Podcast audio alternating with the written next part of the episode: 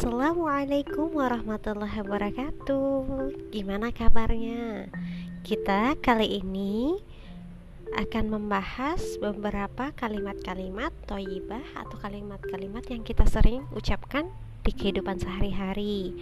Contohnya subhanallah, Allahu akbar, masya Allah, juga la haula wala quwata illa billah. Oke, kita siap untuk pelajaran BPI kali ini. Sudah siap teman-teman? Oke, deng mari kita mulai ya. Jangan lupa kita mulai dengan berdoa. Mari kita buka pelajaran kita kali ini dengan membaca basmalah bersama-sama. Bismillahirrahmanirrahim. Alhamdulillah. Oke, jadi langsung kita bahas ya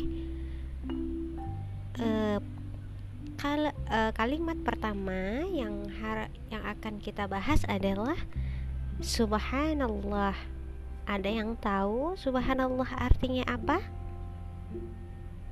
Oke, subhanallah artinya maha suci Allah. Jadi subhanallah adalah salah satu kalimat tayyibah dan ini merupakan salah satu zikir yang selalu kita baca setelah sholat Zikir itu apa sih? Ada yang belum tahu zikir? Zikir itu kita menyebutkan asma Allah untuk mendekatkan diri atau mengingat Allah. Jadi kalau kita tahu di surat Al-Ra'd ayat 28 Allah berfirman yaitu orang-orang yang beriman dan hati mereka itu menjadi tentram dengan mengingat Allah dengan berzikir hati kita itu jadi tenang. Dan ingatlah hanya dengan mengingat Allah lah hati kita itu menjadi tentram. Nah, ketika kita mengucapkan subhanallah, itu kita mengakui bahwa Allah itu maha suci, Allah itu tidak memiliki kekotoran atau keburukan gitu. Kapan sih kita memakai kalimat subhanallah? Ketika kita mendengarkan atau mengalami sesuatu yang mengguncang hati.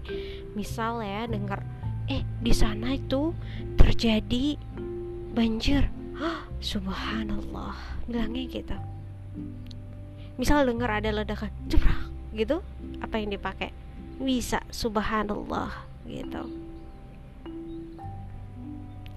Jadi, yang kedua kita pakai ketika meluruskan sesuatu yang tidak tepat. Rasulullah itu pernah loh jenguk anak laki-laki muslim yang sedang sakit parah sampai kurus badannya tinggal tulang. Jadi Rasulullah pun bertanya kepadanya, "Apa kamu pernah berdoa atau memohon sesuatu kepada Allah?" Iya Rasulullah, saya pernah berdoa, Ya Allah, ya Tuhanku, apa engkau siksakan kepadaku akhirat kelak, maka siksa aku di dunia ini. Ketika Rasulullah kaget gitu ya, mau meluruskan kalimat itu, Rasulullah berkata, Subhanallah, kenapa sih kamu berdoa seperti itu? Tentu kamu tidak tahan. Kenapa kamu tidak berdoa? Ya Allah, berilah kami kebaikan di dunia dan di akhirat. Jadi, kita bisa memakai subhanallah pada dua kesempatan itu. Selanjutnya yang kita pelajari adalah kata-kata Masya Allah Apa sih arti dari Masya Allah? Masya Allah itu digunakan seorang muslim apabila kita menunjukkan ekspresi kagum nih. Wah misal. Mbak Aisyah pintar ya gitu. Bisa ranking satu gitu gitu. Terus masya Allah kita ucapkan itu.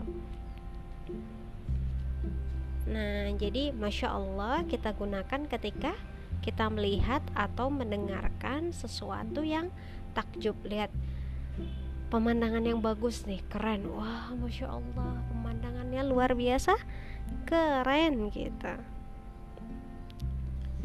Nah, kalimat selanjutnya adalah kalimat Allahu Akbar artinya Allah Maha Besar. Jadi kalimat ini disebut dengan kalimat takbir jadi kita biasa memakai kalimat takbir ini misal ketika mau Idul Fitri atau Idul Adha. Ada kumandang takbir Allahu Akbar Allahu Akbar Allahu Akbar. Nah, jadi kalimat takbir ini kita gunakan untuk mengagungkan Allah, menyambut kemenangan, menyambut apa ya istilahnya keberhasilan dari perjuangan kita bisa wah kayak gitu. Selanjutnya ada kalimat namanya hauqallah la haula wala quwata illa billah. Itu disebut hauqallah nah Artinya la haula wala quwata illa billah adalah tiada daya atau tidak ada usaha dan upaya kita kecuali izin Allah. Jadi kita itu nggak akan pernah berhasil nih lakukan apa pun usaha kita kalau Allah itu tidak memberikan izin atau ridhonya.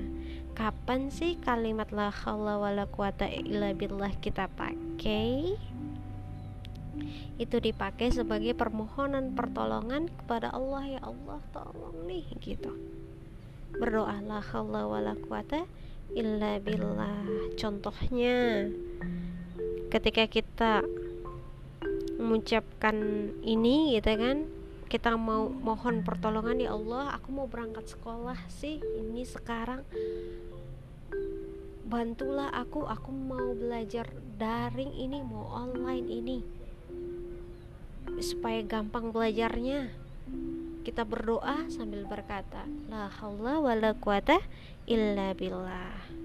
Kalimat ini juga punya keutamaan yaitu merupakan amalan soleh, amalan penghapus dosa, merupakan harta simpanan di surga. Juga ini tanda kita kita itu ikhlas dan berserah diri kepada Allah gitu untuk pertemuan kita kali ini. Sampai jumpa di pelajaran BPI selanjutnya. Kita tutup dengan bacaan hamdalah. Alhamdulillahirabbil alamin. Istighfar tiga kali. Astaghfirullahaladzim, astaghfirullahaladzim, astaghfirullahaladzim.